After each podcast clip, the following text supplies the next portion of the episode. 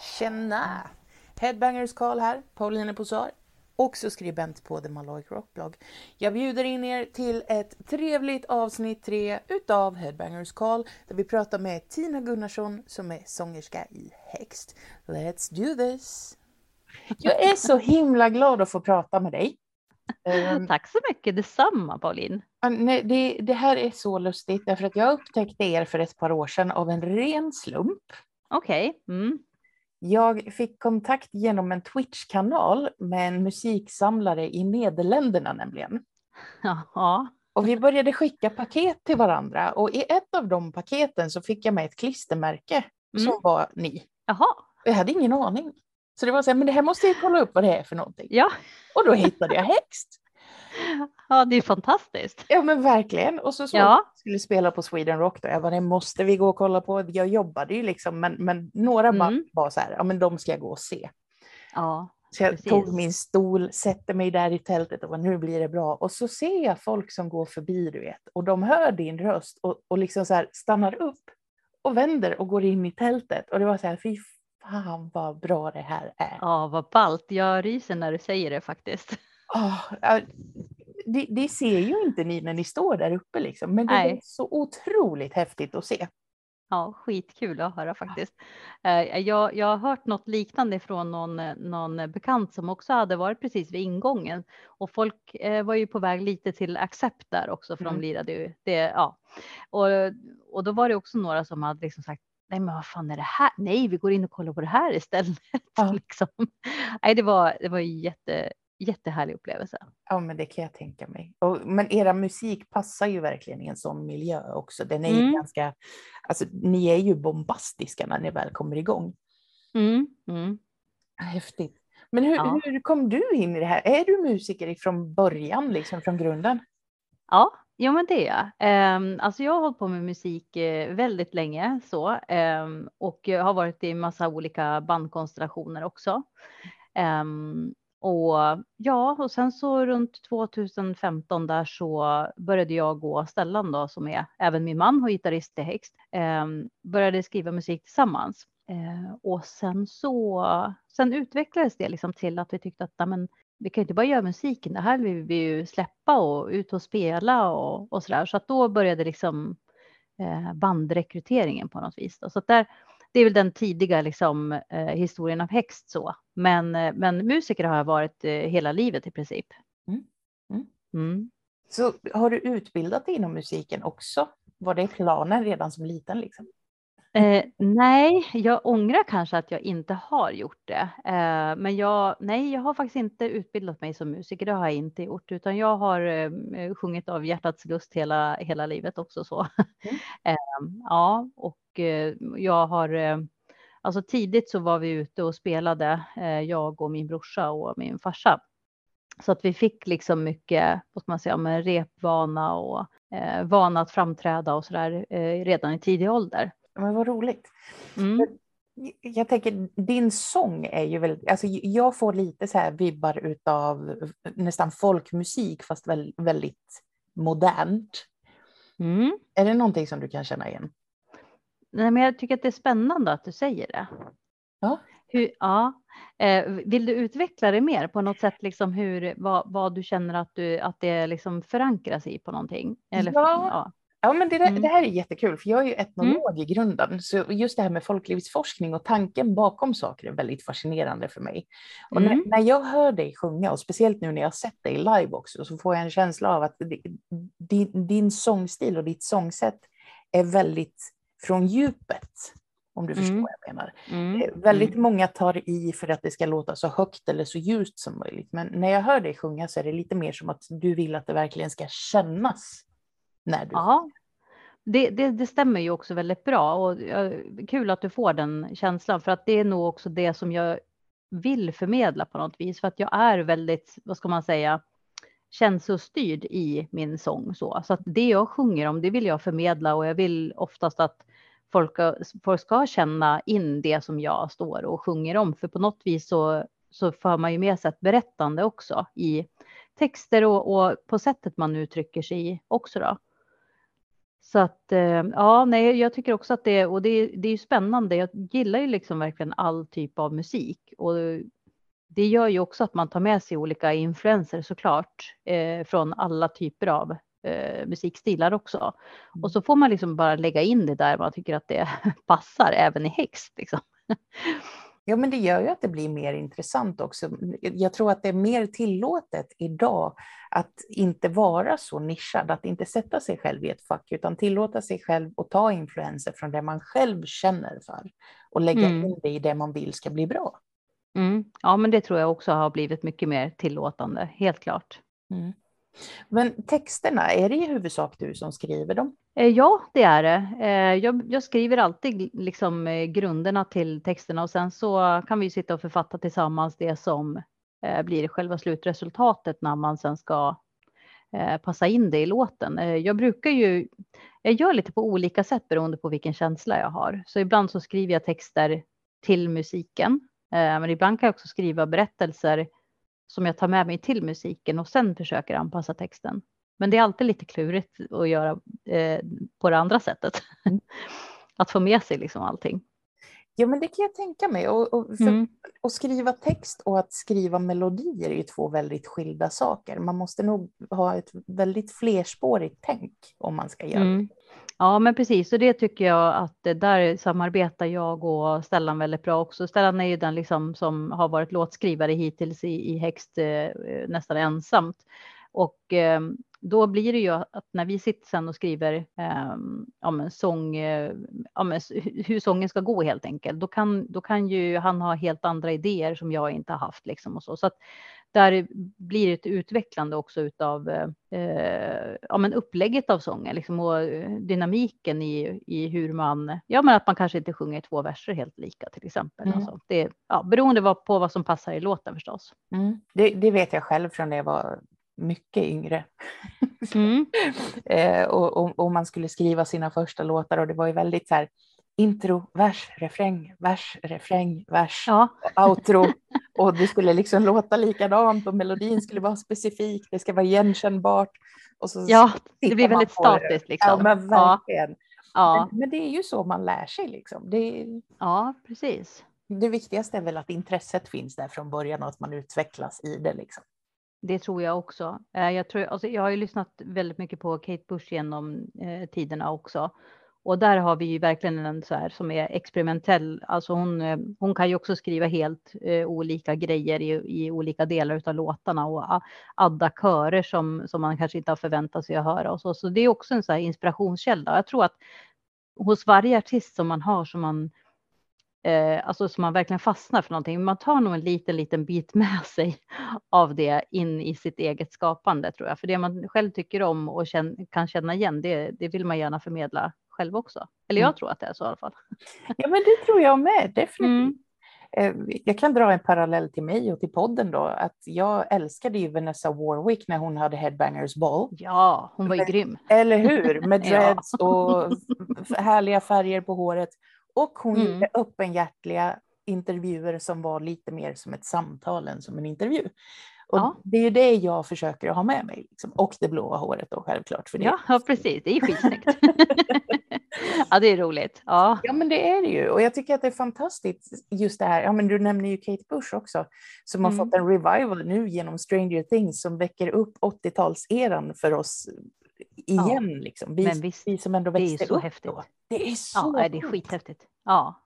Och det är så många artister från då som nu helt plötsligt bara poppar upp överallt igen. Och ja. det är så coolt. Ja, det är det verkligen. Ja, jag blir bara glad. Ja, men eller hur? Eller ja. hur?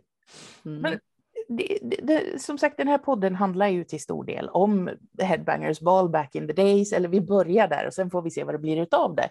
Eh, ja. men vad är din relation till MTV, musikvideorna? Vad, vad, fick dig att känna att det här var coolt liksom? Ja, men alltså, det där växte man ju upp med medan MTV fortfarande var liksom eh, musik, om man säger mm. så. eh, och nej, men ja, det är klart, alltså man kommer ihåg alla de här, vad heter de, Bailey Brothers och, och, och Vanessa Warwick och ja, Headbangers Call. Det är som, det är som kultprogram som man verkligen ja, men jag tror att det har format den ganska mycket, för man såg ju också mycket musikvideos som, ja, men det var en helt ny värld som öppnades på något vis, tyckte jag. Um, det blir ju att man, man tar intryck ifrån eh, Eh, alla de här coola musikvideorna som man såg då. Ehm, och de gjordes ju på olika sätt, men jag kommer ihåg det fanns ju några live-videos som man typ tittade på om och om igen. Och jag menar, man hade ju VHS som man spelade in. liksom. och de där kunde man ju sitta och nöta sen. Så jag kommer ihåg Queensrÿche till exempel, live in Japan, det var ju eh, Take Hold of the Flame och den där kunde jag ju titta på hur många gånger som helst. Mm. Alltså jag har varit så himla förundrad över Geoff Tates eh, röst då. Så att ja, nej, det, det är jättehäftigt med, med den tidens eh, videos överhuvudtaget. För att sen var det ju mycket så här skådespel också i dem, så att det var ju också lite kul och lite charmigt på något sätt. Ja, det, det var nog många mm. som blev så här obesvarat förälskade i många av de här fagra människorna som stod och sjöng ja. och tittade djupt in i kameran. ja, men precis. Så här dramatiskt. Oh ja. ja. Men det är ju också häftigt om man kollar på utvecklingen. För från början så var det ju, ja men tänk dig Money for nothing, den stilen, det skulle vara kul, det skulle ja. vara färgglatt, det skulle vara ljust. Och sen kom den svartvita eran när allting skulle vara så djupt och hårt. Och sen mm. med tiden så har det ju blivit lite mer skådespel i dem faktiskt. Ja, och... men precis. Det har ju varit en, en rolig utveckling, helt mm. klart. Det som är roligt med musikvideos är ju att det ger ett det ger ju en dimension ytterligare åt ett annat skapande, liksom att man verkligen kan ja, men brygga ihop det som man skriver om eh, och få det. Man kan ju förmedla låten på ett helt annat sätt om du också har liksom ett synintryck eller ja, en video som är beskrivande. Mm. Och det är ju häftigt i sig att man på det viset kan vara lite, eh, vad ska man säga, mer konstnär eller vad fan säger man? Nej men alltså, ja du förstår vad jag menar. Ja, jag tänker, hur skulle du vilja, alltså om du har skrivit en text, liksom, skulle du vilja få regissera helt själv och liksom få till det som du vill att det ska se ut? Eller skulle du uppskatta och kanske få någon annans perspektiv på din text? Jag tycker, att det, jag tycker alltid att det är kul och det är roligt att få någon annans perspektiv på mina texter. Mm. För att eh, det kan ge mig en, eh, en helt annan, alltså hur, hur människor tolkar texter också är ju så otroligt olika och individuellt. Mm. Och där tänker jag att det kan ge ytterligare en dimension åt det man faktiskt har skrivit om. Och jag, ty ja, jag tycker att det är jättekul om andra tittar på mina texter och, och liksom tolkar dem på sitt sätt. Det, det tycker jag är häftigt. Mm det är så mycket som far i huvudet nu när vi pratar om det så man blir så här. Åh. Ja, det är bara att prata på, det går bra. Ja, eller hur? Eller hur? Ja. Det är ju så intressant just, hela konceptet med musik är ju så otroligt mycket. Det är den muntliga traditionen där vi för vidare, för vidare våra berättelser, men också mm. ett sätt där vi kan bygga helt nya sammanhang. Mm. Eh, jag, jag såg ett eh, klipp, en kille från USA som var satanist och spelade i ett metalband. Som mm. först hade fått så otroligt mycket hat ifrån sin omgivning i den lilla stan han bodde i. Men när han hade börjat liksom läsa upp satansverserna och vad deras budord faktiskt var, mm. så var, blev folk väldigt chockade för att det handlade ju väldigt mycket om att värna om dem du älskar, se till att du mår bra, se till att du mår bra så att du kan ta hand om dem omkring dig. Mm. Och då började de ju omvärdera deras texter också. Ja, ja men och du ser. Ja. Det är ju helt fantastiskt. Ja, det är, det är superhäftigt, men verkligen. Det, det handlar ju om mycket om så här hur, ja, men hur man också eh, berättar om, om de texterna som finns. För det, alltså det, det, mycket av ansvaret om man säger på någon som ja, men till exempel då läser upp, vi säger de här budorden som, som du pratar om. Mm. Eh, är ju också hur man förmedlar dem och ja, men att, man, att man verkligen kan berätta och att man är så pass insatt i det så att man ja, kan, kan följa upp det med, med frågeställningar och så vidare. Precis. Mm. Men när du skriver, vart kommer din inspiration ifrån? Är det egenupplevda saker eller är det saker du ser omkring dig och snappar upp? Liksom? Mm. Alltså första albumet, Netherworld, det, där var det mycket mer sådär, alltså självupplevda saker och saker som som hände ute i samhället vid den tidpunkten som, som jag skrev om. Um, ja, så den, den plattan var annorlunda från Pagans Rising då. Um, Pagans Rising är ju en, uh, ett konceptalbum.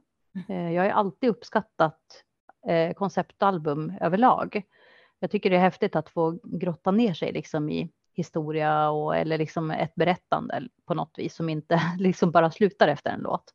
Eh, så därför är jag så himla glad och jag är jätte, jättestolt över att vi har eh, kunnat gjort Pagans Rising som en temaplatta. Den har jag då fått inspiration ifrån eh, eh det stora oväsendet till den största delen. Och det stora oväsendet var ju häxprocesserna som pågick under ja, sent 1600-tal då, eh, i Sverige. Där man eh, ja, man förföljde kvinnor och beskyllde dem för att vara häxor. Och sen så var det ju väldigt speciella processer kring just det här. Då. Så det jag har gjort när jag har gjort min research är ju att eh, skildra de eh, verkliga berättelser som finns kring de här eh, kvinnorna som, som har mist livet mm. eh, och som blev beskyllda torterade och ja, du vet, vattenprov och sådana här saker. Och försökt skildra det i ett vad ska man säga, ibland ur ett jag-perspektiv för att det ska bli lite mer känsligt och eh, berättande. Så där har jag väl liksom fått den största inspirationen och då har jag även varit, liksom, ja, men jag har tagit del av både historiska dokument, eh, men sen har jag hållit på och släktforskat en hel del och ramlat på bygde, bygde historier och sånt där, du vet, eller så här, vad som har hänt i socknarna, eh, vilka avrättningsplatser som finns, och ja, har, har avrättats några påstådda häxor där till exempel. Eh, ja, det hade det ju till exempel i, i ett litet samhälle som heter Delsbo uppe i Hälsingland. Um, så den platsen har jag försökt typ letat efter eller lokaliserat. Jag vet på ett ungefär vart den ska ha ägt rum, men, men det finns liksom inget sånt minnesmärke eller någonting över den. Nej. Men uh, den, den händelsen till exempel, den skildras ju i, i låten Morefield som är den sista låten på albumet. Så den blev väldigt så här, den, den kom mig väldigt nära på något sätt. Jag tror också så här för att det är en bygd som vi vistas i väldigt mycket. Och på, ibland så kan man också så här känna hur, ja men lite som det står eh, på ett plakat uppe vid, eh, vid Bålberget där och i Torsåker. Där finns det ju, där står det ju tidens tro drabbar människan och det är ju mycket och mångt sant i, i, alltså i, olika tider i livet också. Så. Yeah. Men just då var det ju att man, man skulle ju verkligen utrota häxorna. Gud, alltså, mm. alltså jag tror att jag får komma upp till dig och så mm. tar vi den där plattan och så sätter vi oss i en bil och så åker vi runt och så får du tala om för mig var och vad som har hänt som inspirerade just den låten. Mm, absolut, det, det gör jag jättegärna. Alltså, ja, ja. Men det här, jag är helt, alltså jag ryser, jag är helt kall i kroppen för det här är ju en etnologs våta dröm. Liksom. Ja. ja, ja, men jag förstår. Men jag tänker också så här att, att på något sätt vill jag ju också att den här skivan skulle liksom väcka uppmärksamhet och eh, att de här kvinnorna och den här tiden på något vis skulle få uppmärksamhet och att de skulle på något sätt, ja men att man vill väcka någon form av eh, att de får upprättelse. Sen mm. finns det ju fiktiva texter i den här också som jag har dramatiserat där, liksom, där jag benämner eh, till exempel häxorna som vi då, mm. alltså vi vanliga eh, kvinnor idag som säkert inte skulle ses med blida ögon på den tiden. Va? Mm. Eh, att nu är det liksom Pagans Rising och det här är, nu är det, nu är det jävla Resurrection och Retribution ja. som gäller. Exakt, mm. exakt. Mm. Det är det vi vill ha. Den mm. starka kvinnan ska få vara den starka kvinnan igen och vi ska fan inte ta någon skit. Nej, precis Nej. så är det. Ja. ja. ja, det är magiskt. Magiskt, det är ja. precis vad det är.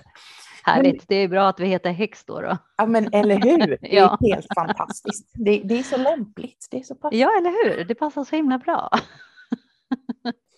men hur ser ja. det ut nu då? Vad, vad är planen för 2023? Mm. Alltså planen för 2023 är ju att vi vill ut och gigga eh, så mycket som det bara går.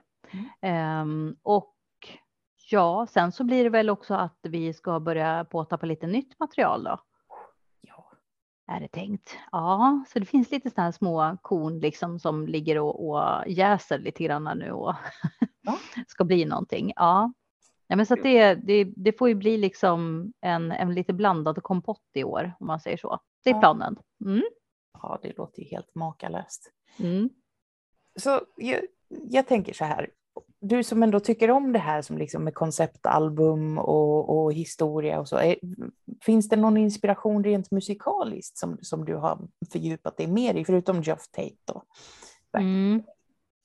Eh, tänker du på konceptalbum då? Eller ja, tänker du bara, ja, mm, ja, men alltså, ja, då återkommer jag väl till Queensryche, eh, Operation Mindcrime plattan är ju alltså en av de absolut bästa verken som har skrivits tycker jag. Ja. Eh, den är också så, ja jag vet inte, alltså den är så himla psykologisk eh, och den är så himla djup och den är tragisk och den är otroligt teatralisk och dramatisk så att jag vet inte, det finns, jag bär med mig jättemycket känslor när jag lyssnar på de låtarna.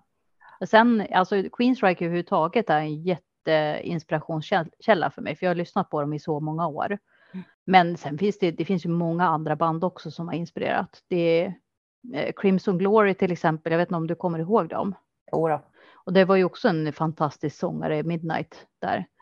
Eh, som också kan liksom ta, eller kunde eh, ta toner som var helt magiska. Så jag tror att jag gillat de här starka sångarna liksom. Mm. Det mycket manliga inspirationer som jag, som jag faktiskt har. Eh, mm. men jag tror också det, det fanns inte jättemycket kvinnliga vokalister som, som sjöng starkt på det sättet då. Ja, det finns ju, visst, det finns ju Hart-systrarna eh, och det finns eh, Kate Bush, och det, men det är, liksom, det är ju ännu äldre om man säger mm. så. Sen, men sen kommer ju liksom det här, det är ju så himla kul att se den här häftiga utvecklingen också, hur, hur brudarna tar plats liksom på scenen och också kan uttrycka sig på massa olika sätt, verkligen. Mm. Ja, hör du, det, alltså jag har så himla mycket inspirationskällor så jag vet inte vart jag ska börja någonstans. typ så. Det är helt galet. Men det är också fantastiskt. Det, alltså, musik är ju så otroligt, alltså det, det förenar ju på ett sätt som ingenting annat kan göra eftersom musik är ett mm. universellt språk. Mm. Så det, det, delas ju friskt åt alla håll och kanter och det finns alltid någonting att plocka ur. Det spelar ingen roll vem du kommer hem till, det finns någonting i samlingen som du faktiskt tycker om i regel. Ja, ja, ja absolut, precis det finns alltid någon, någon, någonting som förenar. Mm, ja, verkligen. Ja. Men jag tänkte på det, när jag pratade med Isabelle så frågade jag lite om just det här att vara kvinna på metalscenen. Mm. Eh, är det någonting som du har känt av? Liksom? För jag vet, Isabelle kände ju att visst har hon fått konstiga kommentarer, visst har det hänt, men i mm. regel mm. just när det kommer till andra musiker så är det stöttande. Hur upplever mm. du att det är? Nej, men jag måste säga detsamma. Alltså det, jag har inte upplevt egentligen så himla mycket Alltså jag har inga, inga dåliga erfarenheter så, det har jag inte. Däremot så kan det finnas, det kan, eller har funnits i alla fall. Lite tidigare så var det väl så att man kanske kunde titta lite snett och vad, vadå, vad gör, vad gör brudar på den här scenen? Alltså lite så. Mm. Eh, att man, men, men sen så när de har hört den så har de liksom ja, då, då kanske man har omvänt dem, jag vet inte, men det, det, det har kunnat funnits liksom någon slags här förutfattad mening att eh, metalscenen är för killar liksom. Men jag tror att det är väldigt, alltså det är länge sedan ändå. Det känns ganska föråldrat att, att tänka så eh, idag och det är ingenting jag upplevt på, alltså nej, på väldigt många år. Det har jag inte gjort, utan snarare tvärtom, liksom att som, som Isabelle sa, att eh, man nästan upplevt att det, att det nästan är mer stöttande och att folk tycker att de är fan vad coolt liksom. Ja. Det, det, här var ju ballt. Eh, kan du sjunga så här? Liksom? Men ja, nej, så att det, jag, jag tycker att eh, utrymmet har ju verkligen växt för kvinnliga musiker på scenen överlag och det ser man ju även så här på eh, framträdande på tv till exempel, att man ser att det är fler ja, men, eh, trummisar, kvinnliga trummisar, alltså det, det, de här stereotypa instrumenten också som, som kanske män har spelat mer förr eh, och är också mycket, mycket mer utbrett bland, bland tjejer idag. Ja. Eh, och jag tror det här att man, jag tänker på till exempel en sån här grej som Sweden Rock gör som där rockkollot för tjejer. Ja. Alltså det är ju så himla bra grej och vi var ju och hälsade på dem nu när vi var nere och spelade också. Och hängde lite med dem och sådär och bara ja, men visade att man, att man eh, supportar det de håller på med. Och många gånger är folk där för första gången liksom och testar en bandkonstellation. Jag tycker det är så häftigt att de här möjligheterna som ges eh, ute i samhället också av folkbildningen ehm, eh, gör ju också att eh, människor överhuvudtaget, både killar och tjejer, törs prova på. Liksom. Man jag... måste ju, det måste ju finnas förutsättningar också för att folk ska kunna hitta ett sådant intresse och uh, utveckla det. Exakt. Jag lobbar ju stenhårt för att vi ska ta tillbaka fritidsgårdarna. Ja, men du, det är bland det bästa som har funnits, tror jag. Ja, det, det tror jag med. Ja, jag... för det, det blir också så här att man tappar Eh, fritidsgårdarna är så viktiga på det sättet att om, om du inte har närvarande föräldrar till exempel eh, och har eller har tillgång på mm, alltså, instrument eller om sådana saker så finns ju oftast allt det här. Mm. Eh, även, även lättare sporter och sånt där finns ju också på, på fritidsgårdar eller har funnits i alla fall med biljard och lite sådana grejer. Ja, exakt. Mm. Exakt, det var ju något helt annat på den tiden då vi växte upp. Då, då hängde man ju där, det var ju där man var liksom. Ja, ja, precis. Det, idag så undrar de varför ungdomarna är som de är och vi, vi skriker högt att det är för att de inte har någonstans att vara och ingen hör mm. oss. Men jag tror också så här, alltså någonting som jag tror hänger ihop med det och det kan man även uppleva tycker jag som musiker eh, när, med uteställen och så där, att det är ganska ålderssegregerat idag. Mm. Um, in, det kanske inte är så segregerat på många andra håll, eh, eller ja, eh, olika sätt, men, men just eh, åldrar, hur, hur man umgås över gränser och så vidare. Och där tror jag att alltså det är verkligen någonting som är så himla positivt för alla. Det är att verkligen alltså blanda åldersgrupper. Och det, då, då tänker jag också på liksom musikscenerna också. Alltså att det ja, ofta så blir det de, de, den bästa publiken när det är otroligt blandat liksom. Ja, Ja, men så är det ju. Mm. Bara kolla på Sweden Rock. Ja, men visst. Ja, den, det är en fantastisk festival, verkligen. Det är en magisk plats. Ja, det, det, det var när vi klev ur bilen och gick ut på området dagen innan festivalen så var det verkligen den här, nu har vi kommit hem igen. Nu ja. ja, vad härligt. Ja, jag tror att det kändes lite så här extra gött i hårdrockshjärtat när efter pandemin att få faktiskt vara på en sån festival. Jag tyckte jag upplevde hela den stämningen ja. alla dagar jag var där liksom. Ja, det var helt fantastiskt. Ja, verkligen. Men du, jag är jätteglad att jag fick ha med dig i min podd Tina. Jag är så mm. imponerad mm. av dig som sångerska och nu är jag även imponerad av dig som person. Och jag hoppas att vi håller kontakten även efter detta. Ja, men det gör vi Pauline. Det, det ser jag jättegärna att vi gör. Fan. Vi måste ju ta den där bilturen. Oh yes. Vi småpratar en liten stund om eh, vår gemensamma roadtrip. Vi kommer nog nästan garanterat att göra den och jag lovar att spela in när vi gör den i sånt fall. Eh, nästa avsnitt kommer att avhandla lite andra ämnen men fortfarande inom musik och musikvideon. Gästen kommer att vara en väldigt speciell gäst så jag föreslår att ni håller ögon och öron öppna. Ciao! ciao.